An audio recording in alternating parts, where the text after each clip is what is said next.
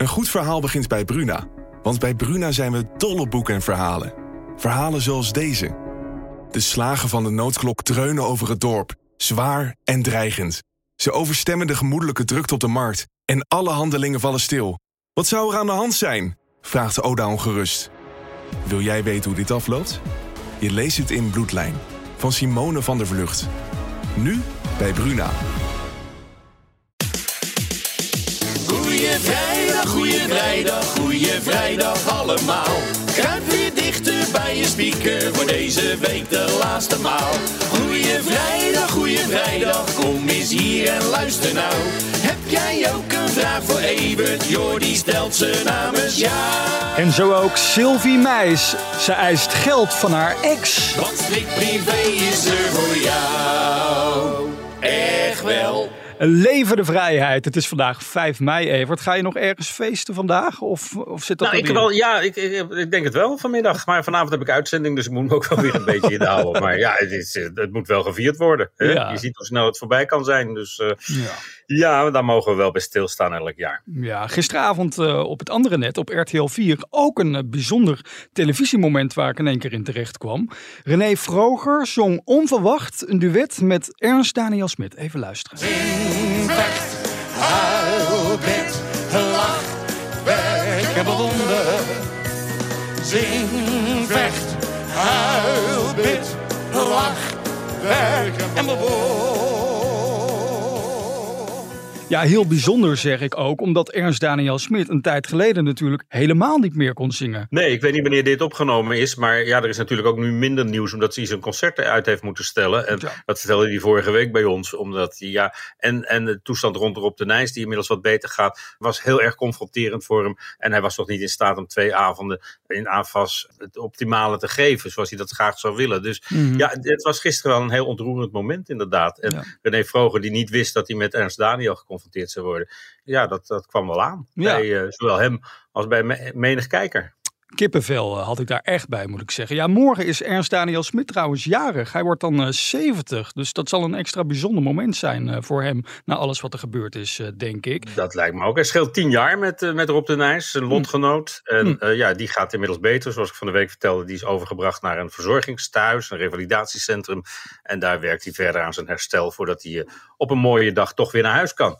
Kijk, en dat gunnen we hem eh, echt van harte. Nog heel even over René Vroger, want ik dacht in één keer weer aan de toppers. Hè? We hadden het daar een tijd geleden al over in deze podcast. Dat het toch wel gek is dat er nog steeds geen concert is aangekondigd. Hoe zit dat nu? Ja, dat, is, dat was vorig jaar natuurlijk vrij laat in het najaar. En ze willen terug naar de mei, begreep ik. Dus dan zullen ze het eh, dit najaar gaan aankondigen voor mei. Hmm. En om de topperstraditie voor te zetten. Maar eh, ja, dat is op dit moment eh, een beetje onduidelijk. Ze slaan inderdaad een jaar over, want er is ook geen kerstversie aangekondigd. Hmm. Maar ja, dat is om weer in dat, in dat ritme van mei te komen. Gewoon wel even noodzakelijk. En anders Ja. had er te weinig tijd gezeten tussen de concerten van vorig jaar en die van nu. Wie eh, al een tijdje geleden vertrokken is uit de toppers is Gordon natuurlijk. Dat zal allemaal heel netjes Ja, zijn die was ook niet op de verjaardag van, eh, van Gerard van de week, zoals de andere toppers. Nee. En de kans dat hij daar nog ooit voor wordt uitgenodigd is ook niet zo heel erg groot, eh, geloof ik. En de kans dat hij ooit nog op de verjaardag van Gavin komt, die wordt ook steeds kleiner, geloof ik. Hè? Met Ah, alles wat dat er is niet normaal. Die, hij, hij krijgt echt, die Kevin krijgt echt berichten van Gordon, maar de geen brood van lusten, net als vorige week. En eh, af en toe zit er dan weer een heel lief berichtje tussen met I love you. En het, ja, het geeft wel de, de, stemmingswisselingen van Gordon aan dat die nog niet veranderd zijn. Maar ja, hij heeft zelf gezegd waardoor die komen. Hè, dus dat, eh, Hmm. daar hebben we alle begrip voor.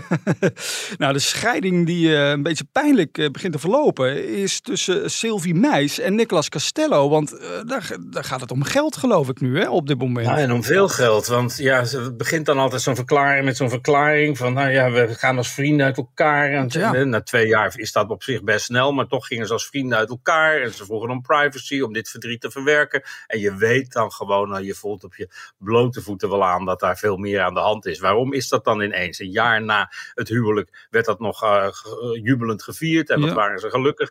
En een paar maanden daarna is het alles ineens over en uit. Ja, waar dat mee te maken lijkt te hebben, althans volgens het Duitse blad Boente, Hmm. dat is met de eh, bitcoin, de eigen ja, bitcoin die eh, Castello op, het, op de markt gebracht heeft. Ja. De Castello coin. en die is is in New York met een heel veel bombarie en een goudklomp van een vierkante meter, een kubieke meter eh, gelanceerd. Mhm. Maar dat ding dat begon redelijk voortvarend, werd hij in de markt gezet. En ja, die koers is helemaal in elkaar gedonderd. Ja, En het vermoeden is dat Sylvie daar ook geld in geïnvesteerd heeft. En dat is ze nu kwijt. En niet alleen zij, maar ook wat vriendinnen. En die zijn nu boos op Sylvie.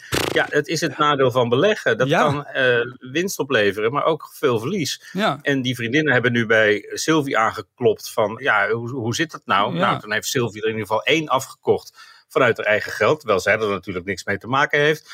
Ja, dat zat er behoorlijk dwars. En ook als haar eigen geld verdampt, dan zal er dat behoorlijk dwars zitten. Want ja, Ja. daar moet ze de rest van haar leven mee doen. Dus Hmm. eh, ja, dat is de sfeer tussen beiden niet ten goede gekomen. Hmm. Maar nogmaals, zij gaat nu volgens eh, Castello met advocaten bedreigen en, en geld terugeisen. Maar ja, dit, dit dit zijn natuurlijk de risico's van het vak. Als Ja. je als niet ervaren belegster dat toch gaat doen. Ja, als ze er heel veel mee gewonnen had, had ze dat geld ook niet aan hem gegeven waarschijnlijk. Hmm, we gaan dat eh, volgen de komende tijd. En wat we Nou, morgen... de Duitse media die hebben eh, bloed geroken. En eh, de verklaring, we gaan als vrienden uit elkaar, die is inmiddels wel geloofgestraft. Wij gaan er vooruitkijken naar morgen, Evert. Want dan is eindelijk die grote dag. Waar ga jij kijken eigenlijk? De kroning van Ja, Charles? gewoon thuis, want met een notitieblokje op, op schoot natuurlijk. Want ja, daar moet ook nog een blad over gemaakt worden. Af, komende woensdag pakken we er nogal mee uit met de kroning van Charles. Ja. Dus ja, het is voor mij vooral zakelijk kijken. En eh, ja, me ook wel verbazen over ah, de pracht en praal die we te zien zullen krijgen. Ik zag nog een uitstalling van die kroonjuwelen alleen al. Met scepters, kronen, lepeltje, olievaatjes. het is, ziet er echt allemaal prachtig uit. Attributen die al meer dan 400, 500 jaar gebruikt worden bij de kroning van een Engelse vorst. Dus ja, dat, wordt allemaal, dat is allemaal opgepoetst. Dat is allemaal uit de kast gehaald. Kijk. En dat kunnen die Engelsen natuurlijk als geen ander. Dus reken maar dat het een adembenemend sprookje gaat worden als alles eh, goed verloopt. En denk je dat daar in Nederland ook veel naar gekeken gaat worden morgen? Ja, ik geloof niet dat Nederland er nu al heel erg warm voor loopt. Maar als het morgen eenmaal zover is, dan denk ik, als je kijkt, dan blijf je ook wel kijken. Want ja, het is echt een. Hier is kleuren TV voor uitgevonden, eh, geloof ik. Ja, ja, dat allemaal volgende week. Dus ook in het bewaarexemplaar van de privé. En voor nu, Koningsnummer. zo is Ja. het. En voor nu gaan we natuurlijk weer de week afsluiten. En dat doen we zoals gewoonlijk met... Eventjes aan Evert vragen, dat lijkt me echt een goed plan. Een vraag aan de privéman. Ja, dank, dank, dank weer voor alle vragen die zijn binnengekomen via podcast.telegraaf.nl. Ik pak die van eh, Sita er dit keer eh, even bij, want die vraagt zich af... wat is nou het best gelezen verhaal ooit dat jij ooit hebt gemaakt? Hoe, het eh, best gelezen. Nou, dat is, eh, ja, dat werd vroeger niet gemeten natuurlijk. Dat is pas sinds we internet hebben dat je precies kan zien hoeveel een artikel gelezen wordt. En dat was twee weken geleden denk ik wel wat er met Rob de Nijs aan de hand was. Dat, dat ging in de honderdduizenden keren onmiddellijk. Zo. Maar in het blad, ja, ik denk, poeh, ja, het is... eh, ik weet nog dat ik ooit foto's had van het huis van Willem-Alexander Maxima in aanbouw. Mhm. in, in de Eikenhorst in Wassenaar. En dat nummer was toen wel in een dag uitverkocht. dat wou iedereen wel zien. Dus ik denk dat dat wel een, eh, een, knaller van je welste was. Ja. Maar ja, weet je, niks is zo oud als de privé van vorige week. Dus ik, ja, ik weet dat altijd niet zo. Maar Ah, er zijn genoeg primeurs geweest natuurlijk die in brede kring de aandacht trokken, zeg maar. zoals eh, de primeur van eh, Gavin natuurlijk, hè, afgelopen week ja, nog. ook, dus, eh, ja, die was ook redelijk uitverkocht overal, begreep ik later. Want Ja. winkels wilden hem bijbestellen. Kijk, Sita, nou, ik hoop dat je hiermee een beetje een antwoord hebt op jouw vraag. Wij gaan alvast dit tv klaarzetten voor morgen natuurlijk, want dan gaan we kijken naar Charles. En maandag gaan we daarop terugblikken, natuurlijk in een nieuwe podcast, Evert. Zeker. Nou, tot dan, prettig weekend en een mooie Kroningsdag morgen.